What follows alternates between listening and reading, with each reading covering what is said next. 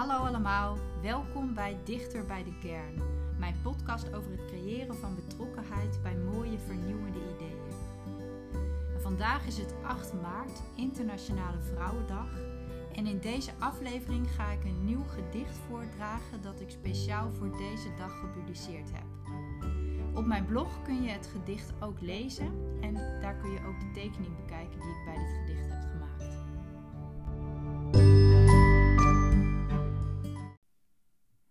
Wilde dichter. Mijn Barbies hielden ook van auto's, net als Ken. Ik kreeg alle kansen in het leven, om als een jongen. Een slimme meid is op haar toekomst voorbereid, zei de overheid. En kies exact. Ik was goed in taal, maar compenseerde dat met analytisch denken en verlegenheid. Ik ontgroeide het poppenhuis en de geslachtloze man. Daarbuiten werd onmannelijkheid gemonsterd en van voetnoten voorzien. De afwezige vader had liever een minder teleurstellende dochter gehad. De lerares miskende dat de leerling haar gedichten zelf schreef. De koopman prees zo'n jong meisje dat al een boek had geschreven. Ze was 37. De zusters verschopten hun onwelgevallige soortgenoot. Diverse mannen vroegen de jonge dame of ze niet wat vrolijker kon kijken.